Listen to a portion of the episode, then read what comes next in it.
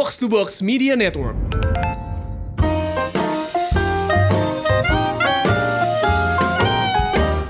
HRD Bandung.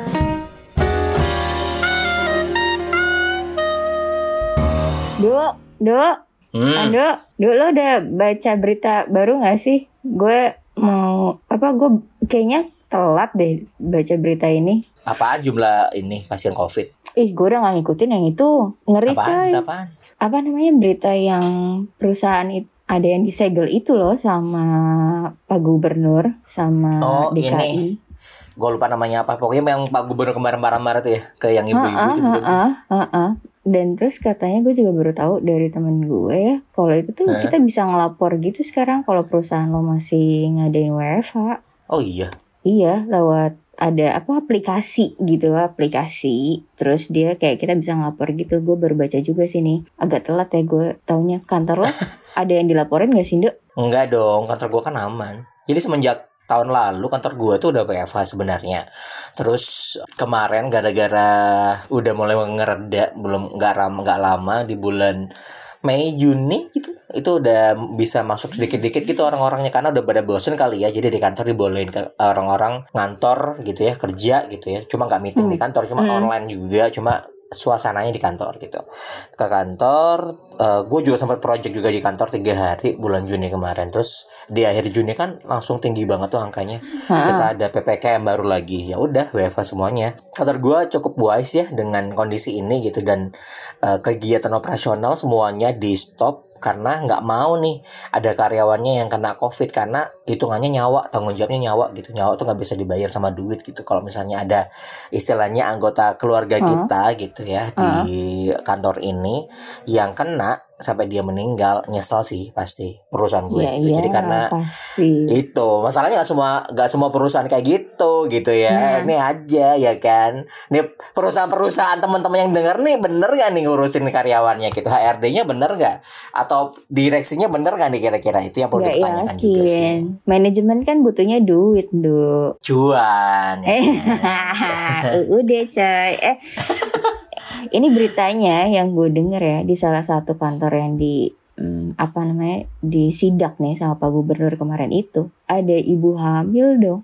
Hah beneran Iya, ada ibu yang di yang di kantornya si ibu-ibu itu Iya, iya. Eh, gue nggak tahu ya, ibu. Iya kan yang kalau yang dipampang di berita-berita kan Pak Gubernur bertemu dengan si ibu HR HRD itu ya.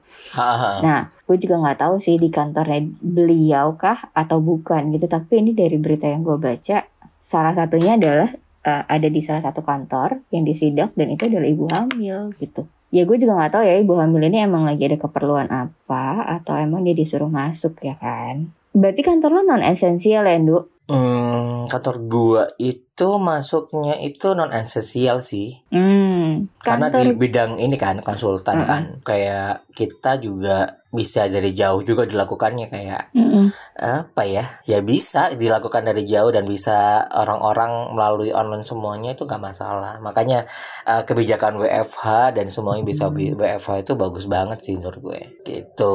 Tapi mungkin juga Ya. eh, yang lagi dengerin kita semuanya si Bandelizen semuanya mungkin penasaran juga. Apa aja sih kantor yang esensial atau yang non esensial nah itu perlu loh cek lagi nih teman-teman. Kalau boleh gue kasih bocoran tuh yang esensial eh, yang sekarang masih bisa 50% WFH itu ada yang keuangan perbankan pasar modal sistem pembayaran teknologi TI ya, informasi ha-ha, Nah, kantor gue salah satunya tuh yang dulu. oh gitu itu TI juga ya Yes. pantesan masuk Iya, terus betul. Ha-ha. Sedih ya. sedih sama industri Perhotelan. ekspor. Yes. Ah, gitu. Tapi ada Betul, juga sih betul, yang benar-benar wajib beroperasi kan? Ya, iya ada ada Ya, kayak kayak kritikal yang kayak kesehatan, Heeh. yang terus dia bergerak di bidang energi, keamanan, lo- logistik. Nah, logistik tuh kayak kita butuh Penting. kurir-kurir tuh kan, penting Ini banget. logistik ini kalau misalnya nggak jalan nih orang-orang bakal lebih bar- parah banget loh. Waktu itu sempat Gimana kita mau WFH?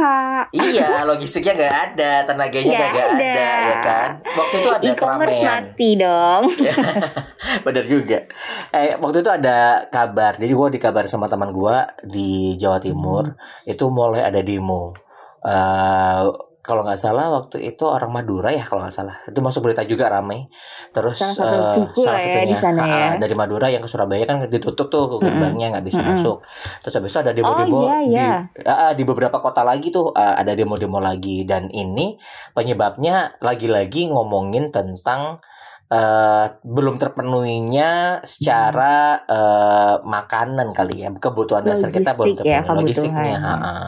karena emang terbatas ya apalagi beda pulau terus yang hidup yang gedenya di Surabayanya jadi eh, mungkin beberapa orang dari Maduranya ngambilnya dari Surabaya gitu jadi itu bikin mereka ngerasa kayak harus survive banget nih gua nggak bisa makan ya anak-anak gua nggak bisa makan istri gua nggak bisa makan gitu Ya, Nah itu ya, keluar demo. Nah sempat muncul katanya di Jakarta juga ada demo. Itu ada hoax yang dikirimin di WhatsApp WhatsApp gitu diajakin buat eh, apa namanya demo juga masalah ppkm. Tapi kalau Jakarta sih menurut gua enggak ya.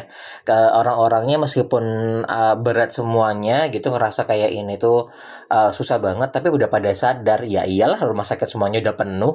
Korban udah Betul. di korban bukan lagi eh ngomongin kelurahan kecamatan antar Ah. kelurahan atau kecamatan tetangga depan rumah atau sebelah Ya, rumah udah sebelah pada rumah. kena gitu Hmm, Ha-ha. Betul. jadi kayak bener banget. menurut gue sih udah pada sadar orang di Jakarta meskipun masih ada yang anti covid gue sih nggak peduli ya sama teman-teman yang anti covid gitu kalau misalnya lu kena ya udah nikmatin aja gitu ya maksudnya jadi eh, menurut gue yang sekarang lebih disadarin adalah gue sih pengen Share. encourage eh, bandelizen semuanya kalau di sekitaran lo itu ada orang-orang atau tetangga-tetangga yang perlu dibantu lo bantuin sebisa lo gitu. Misalnya lo ada betul. kelebihan beras atau mungkin lo bisa masak lebih tetangga lo nggak bisa masak gitu ya udah kasih aja gitu. Meskipun cuma eh, nasi sepiring sama lauk sepiring gitu ya itu mereka bisa gunain seharian loh. Atau misalnya sepiring sepiring tadi itu bisa eh, bantuin sekeluarga mereka loh gitu. Dan kita Yes. nggak tahu kan gitu. Atau misalnya eh, kita punya inisiatif nih buat eh, bilang ke tetangga sebelah sebelah bu eh, si bapak dari rumah A itu orangnya isoman kayak kita yuk kita bantu gitu misalnya. Lu ngajakin kayak gitu gitu. So kita coba munculin rasa kemanusiaan kemanusiaan kita gitu bayangin kalau kita sendirian di sebuah PPKM. kota. Ini karena gua anak kos kali ya. Kalau gua eh, sekarang sedang sendiri di kota orang gitu kemudian gua harus eh, bertahan di sini terus gue bingung gitu kalau misalnya gue isoman misalnya nauzubillah min zalik ya. Eh, misalnya gue isoman terus gue disuruh eh apa namanya nggak bisa mengapa-ngapain. Ha-ha, masak nggak kuat gitu misalnya atau misalnya gue kondisi yang lemes gue akan minta bantuan ke siapa gitu. Ya pasti orang terdekat gue tetangga gue pasti yang gue akan repotin pertama kali. Yes, kalau enggak paling enggak sahabat-sahabat gue teman-teman gue yang satu kota yang akan gue repotin gitu. Dan Oke. ini sih yang bisa kalian lakuin. Kalau misalnya lo juga ngerasa di tetangga lo butuh bantuan ya lo lakuin aja sebisa lo apa. Kirim makanan kayak beliin obat atau misalnya tanyain aja kebutuhannya Mm-mm. apa gitu. Jangan sampai tiba-tiba lo dengar kabar orangnya nggak ada itu ngeri, ngeri banget sih. Gue merinding sih kalau dengerin kayak lu kenal sama seseorang terus orang itu nggak ada gitu. Karena gue ngerasain banget sahabat-sahabat gue udah pada nggak ada gitu karena covid ini gitu Hmm, yes. Dan itu bukan cuma orang-orang yang mereka WFO ya, Ndu. Ada yang orang-orang yang emang mereka WFH, nggak ke mana-mana pun, terus tiba-tiba kena. gitu kena kan juga ya. benar nah kita nggak tahu ya kena dari mana ya ada juga yang dari airborne juga kan gitu Yes, Eh, orang, yes, bener-bener. orang bilang kayak lo buka jendela lo gitu ya gue buka Iya. jendela tiap hari tapi kan lo nggak tahu Mm-mm. virusnya masuk apa kagak gitu maksudnya Benar. Nah, Du, lo sebenarnya walaupun lo konsultan, as a- kalau lo jadi HR, lo mendingan mana? WFH atau WFO sih? kalau gue sih mending WFH ya resikonya WFH lebih ya. minim banget ha-ha. Tapi Karena kan kalau di- lo kan non, sektornya non esensial, Du, gitu. Kalau Mm. ada nggak sih teman-teman lo yang mungkin mereka ada di sektor esensial atau kritikal gitu? Mereka Ada, ada, pilih ada, ada. mana sih biasanya? Kalau mereka sih pengennya WFH juga ya. Maksudnya manusiawi lah ya. Kita kan pengen sesuatu yang aman ya. Kalau aman kan pasti WFH Eh, nggak ketemu banyak orang eh, resikonya rendah juga gitu. Tapi teman gue juga cerita kalau dia hampir tiap minggu dicolok. Tiap minggu hidungnya itu bolong Ya gitu. Makin los aja tuh ya. nafas gitu kan. Mm-mm. kan dicolokin tiap minggu gitu. Apalagi kalau Tapi- ada yang ketahuan gitu ya, ada yang positif nih, ya semuanya langsung gitu ya. Iya, iya itu ada juga Tes ada gitu banget nih, kan. ada banget nih. Nah, abis ini gue Mm-mm. cerita, ya teman gue yang itu eh, kantornya itu di bidang energi, jadi kita dia harus tetap masuk dan karena dia kan anak lapangan ya, Eh, kemudian dia itu sempat di satu kali WFH satu kali WFO karena Ya. bisa shifting ternyata Betul, jadi orang-orangnya cukup jadi bisa shifting tapi tiap minggu harus dicolok dulu nih karena memastikan mereka aman bahkan mereka punya orang kesehatan internal dulu eh, internal Ah. sendiri jadi kayak dokter yang mereka siapin buat ngecekin kondisi si karyawannya gitu. karyawannya Yes. Mm-mm. Tapi kan nggak semuanya kayak gitu ya, meskipun dia kritikal ataupun eh, kantor-kantor esensial, tapi nggak semuanya punya keputusan sebijak itu. Itu masalahnya. Kayak misalnya hotel, hotel sekarang itu kan agak susah kondisinya berat karena wisata nggak sebanyak dulu gitu. Hotel-hotel sekarang banyak yang Benar. dialihkan eh, untuk Jadi, tempat eh, karantina covid gitu kan. karantina covid betul Mm-mm. Tapi meskipun udah tahu ini tempat karantina COVID, ada misalnya satpam nggak pakai APD, ah, satpamnya Mm-mm. itu ya udah biasa pakai masker aja. Nah kan mohon maaf nih bapak anda kan di hotelnya udah tahu nih semuanya orang-orangnya pada yang uh, isoman dan sebagainya tuh nggak tahu tuh virusnya nyebar ke mana gitu. Ya Mm-mm. mungkin di tetap di uh, apa namanya disemprot kayak diapain di hotelnya, Mm-mm, tapi kan perlindungan dirinya nggak ada tuh kalau nggak pakai APD gitu. Sedangkan dia terpapar Yes, terus yes. sama orang-orangnya itu sangat mungkin banget dia kena sih. Terus eh, yang tadi gua pengen cerita itu ada teman gue itu seorang jaksa Eh, lokasinya Mm. itu eh, di Kalimantan kebetulan bukan di sini. Mm-mm. Kalau ya, Mm. jaksa mereka kan tetap harus melakukan proses sidang, dan lain ya. sebagainya. Ha-ha. Mm. Ada sih dia cerita kayak agak aneh sidangnya itu online dia merasakan keanehan Ah. karena karena feelingnya itu feeling sidang jadi online itu kan ya iya nggak nggak nggak kayak sidang gitu yang biasanya ngotot-ngototan bareng gitu atau Hmm. Atau misalnya dia eh, berusaha untuk eh apa namanya jelasin dengan berkas Bener. dia berdiri jalan-jalan keliling ruangan gitu. Dia duduk doang gitu kayak ah, Gua rasanya kebayang aneh gak sih? dia Hmm. jaksa lagi nuntut lagi nyampein tuntutannya terus ngelek nah iya itu dia. Ngeheng terus mukanya jelek gitu ya. kayak error ngelek kayak pak pak apa apa bapak nuntut apa tadi eh diulang lagi. Wah itu, itu Diulang kasihan banget sih. ya itulah. Pokoknya dia ngerasa gak nyaman kan dengan hal itu. Ya, ya, terus bener, bener, akhirnya di- dari kantornya dia memutuskan untuk ya udah kita ngantor lagi gitu. WFO lagi. Hmm. karena di balik papan mau. bukan balik bukan balik papan gue lupa di kota apa. Eh, Ya, tapi di oke. Kalimantan. Nah terus kemudian sudah jalan tiga minggu apa empat minggu ya Hmm. setelah mereka masuk mulai itu udah santai nih mereka eh, ngudut bareng ngobrol bareng ya oh kan my udah god oke. Iya beneran. Itu gue udah bilang lu jangan lupa pakai masker double karena sekarang itu udah delta sama lambda nih di Jawa udah ngeri banget. Mm-mm. Ah di sini mah orang-orang masih nggak pakai tuh gitu. Udah dibilangin kan ya udah Mm-mm, udah, udah. Kalau misalnya lu kena gue nggak nggak mau tanggung jawab ya gue ingetin kayak gitu udah berkali-kali Mm. gitu. Iya iya santai-santai gitu. Udah jalan empat minggu kemarin banget itu dikabarin. Duh teman gue ada yang positif. Nih semua orang-orang pada bingung semua ambrol dulu semuanya gitu pada uh, Mm-mm. di swab hari ini gitu. Terus gue bilang punya lu pas eh, negatif ya pasti gitu. Eh kalau tahu kalau gue negatif, ya Hmm. syaratnya swab itu lo 2-3 hari setelah lo kontak sama orangnya langsung. Nah ini keseruangan pada di swab do, di swab setelah ketahuan ya Setelah masih negatif lah. Bisa jadi negatif Hmm. palsu lah gue bilang kayak gitu kan. Jadi Hmm, misalnya hmm. lo kena sama orang yang positif lo mendingan tunggu 2-3 hari, 4 hari lah maksimal. Mm-mm. Baru lu swab. baru ya masa Mm-mm, inkubasinya Kalau negatif, benar benar tunggu lagi lima hari berikutnya atau Yes, tujuh yes. harian. Swab lagi kalau misalnya masih negatif, ya udah berarti lo negatif gitu. Gue bilangin. Oh gitu ya, Du ya. Iya gitu. Yang bandel nih bukan bukan peraturannya WFH WFO setengah-setengah ya Du 50 50 persentase di kantor ya tapi mungkin Hmm. gimana kita berinteraksi setelah kita selesai di kantor gitu ya Iya, afternya itu bahkan ya pas lagi benar. ngantor juga sih kayak eh, pas lagi eh, makan siang kayak gitu-gitu kan. benar benar ya Makan siang itu selo sih, tapi kalau sambil ngobrol lu nggak tahu gimana ludahnya Iya, orang-orang betul. masuk ke makanan lu, lu masukkan kemasukan virus, Benar. nyebar lu nggak tahu cuy gitu maksudnya. Makanya itu seremnya kalau misalnya lagi ngudut ataupun makan jauhin orang-orang, sendirian aja udah gitu. Sementara ntar baru kumpul lagi gitu. lo punya berita eh, punya cerita lain gak sih ada nggak kira-kira kantor yang non esensial tapi mereka masih bandel untuk masuk kalau nggak ada gue ada nih Nggak ada gue. kantor Coba kita temen kita dengarnya kita dengerin kisahnya Mala nih. kantor temen gue sebenarnya mau dibilang dia masuk ke sektor esensial eh, dia keuangan tapi bukan keuangan yang perbankan gitu ya Hmm. Jadi sebenarnya bis dan kerjaannya dia bisa dihandle di rumah gitu WFH Nah, tapi si perusahaannya ini minta eh, dia tetap harus masuk ini gitu. Dan dia kan HR ya temen gue nih HRD kan. Hmm. Akhirnya jadi dan di satu gedung itu kan ada perusahaan-perusahaan lain lah ya gitu. Ya.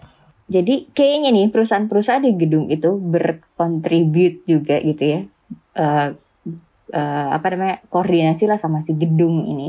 Mm-mm. Dan apa yang dilakukan oleh mereka satu gedung itu adalah tutup gerbang depan, jadi kesannya nggak ada operasional di dalam gedung. Uh, Yang dibuka cuma jalan belakang, itu adalah jalan pejalan kaki. Wadidaw. Jadi Berarti ini lo berarti sebenarnya dia masuk tapi kayak eh, berusaha nipu masyarakat biar kelihatan Iya. nggak masuk gitu. Iya, iya. Jadi, jadi kita juga nggak tahu sebenarnya di gedung itu semuanya adalah sektor esensial atau ada non esensial ya kan? Gitu. jadi itu emang kayak apa ya? Kayak permainan antara perusahaan sama manajemen building gitu loh. Jadi nih Wow. kayak gimana ya? Gue juga bingung gitu. Nah temen gue tuh, jadi ini kan gue di grup gitu ya. Temen gue ini cerita, terus temen gue yang lain ngomong gini, ya udah lo, lo laporin aja. Ada nggak temen lo yang yang berani melaporkan ke eh, si aplikasi itu kan ya, aplikasi Ah. buat buat melaporkan gitu. Terus dia bilang kayak, "Eh, kayaknya enggak deh gitu kan. Kenapa? Lagian kan yang waktu kemarin di sidak juga gitu karena mereka ada yang laporin gitu kan. Terus ya belajar dari situ sih. Ya masa ada orang yang mau kehilangan kerjaannya? kayak Jadi, Wah gila daripada gue sih. dipecat daripada gue dipecat gitu kan ya sekarang ya udah mendingan kita jaga-jaga terus gue kayak oh my god gitu Wow. Iya, gue nggak tahu sih ya. Maksud gue gimana ya perasaan orang, perasaan ketika gue jadi karyawan kayak gitu. Yang syukurnya gue kan sekarang bisa WFH full gitu tanpa harus ber, ber- melakukan apa ya namanya eh, hal-hal bawah tanah gitu lah. Iya iya iya benar benar benar. Eh, dia, dia tuh melakukan banyak penipuan loh. Penipuan ke Iya. diri sendiri, Bener. penipuan ke masyarakat, penipuan ke yang bikin hidup. Wah Bener. gila sih. Dia takut dipecat gara-gara kondisi gitu. Bener. Tapi nggak takut kehilangan nyawa dong. Wah hebat sih. Hmm, tapi kan memang gimana ya? Kadang-kadang ya ada Karena memang duit sih emang. Gue gue paham sih sama teman-teman semuanya. Resiko-resiko gitu karena karena duit beneran. Kalau nggak duit gak bisa hidup. Nah, That's gimana why. nih? Kalau Bandelizen ada nggak yang pernah ngelaporin perusahaannya sendiri ke aplikasi nih, nih, nih, nih, itu? nih, dia, dia, menurut gue ya. Ini menurut gue yang true bandelizen itu adalah orang-orang yang kayak temen lu tadi tuh buka kantor dari Ah, belakang yang gua depan rasa kosong. kayak- Itu bandel banget, bandelizen Kayak- banget lah. Kayak mungkin lo udah udah udah buka aplikasinya terus lo pengen pengen pengen laporin terus kayak abis ini gue dipecat gak ya gimana ya? Gak jadi deh gue gitu gue ya? kayak gue uninstall aja deh nih aplikasi. Tapi anyway, eh, mungkin eh, ini ya, gue pengen kasih tahu juga dari tadi tuh eh, malah bilang kan aplikasi itu aplikasi itu aplikasi apa sih sebenarnya?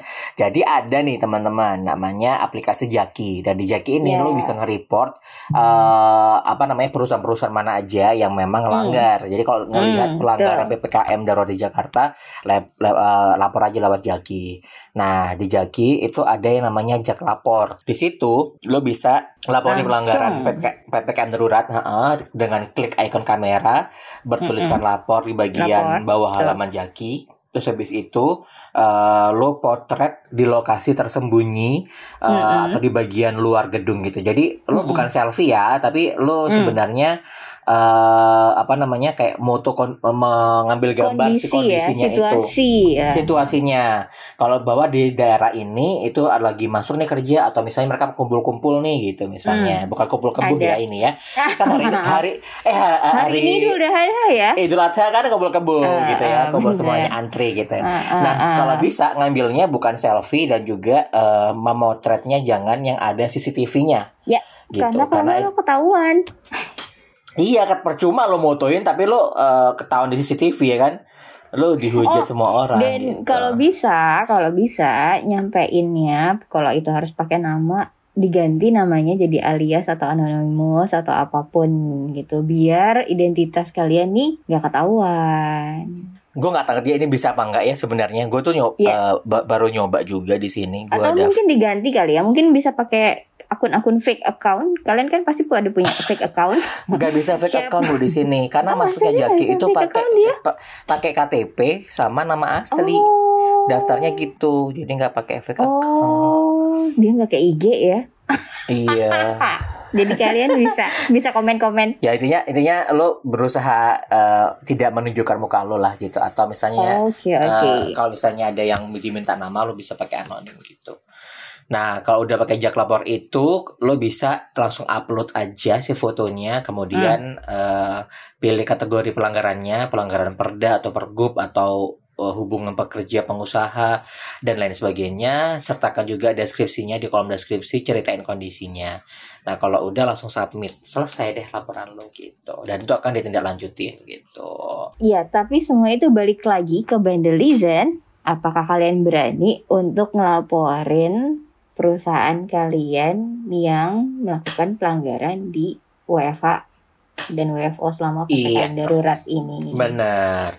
Sebenarnya banyak alternatif yang bisa lo lakuin ya. Lo bisa ngomong ke manajemen, lo bisa eh, apa namanya? Coba dekatin satu orang berpengaruh di kantor gitu misalnya yang bisa ngomong ke atasan misalnya kayak gitu-gitu. Jadi lo nggak harus lapor juga sih. Tapi salah satunya yang Mm-mm. dikasih oleh pemerintah solusinya adalah laporan tadi. Jadi terserah lo, lo, lo mau lapor atau enggak atau lo mau mengkondisikan di kantor lo dulu atau di masyarakat lo mau ngomong dulu gitu boleh juga sih. Atau mau kayak kisahnya temennya kakak gue nih. Kenapa lagi nih? Jadi, kakak gue adalah bekerja di salah satu kantor lawyer. Pemiliknya itu adalah ya udah baby boomers di mana dia udah pokoknya semua pekerjaan harus tatap langsung. Gue melakukan kontrol ke staff harus tatap langsung gitu ya kan guys.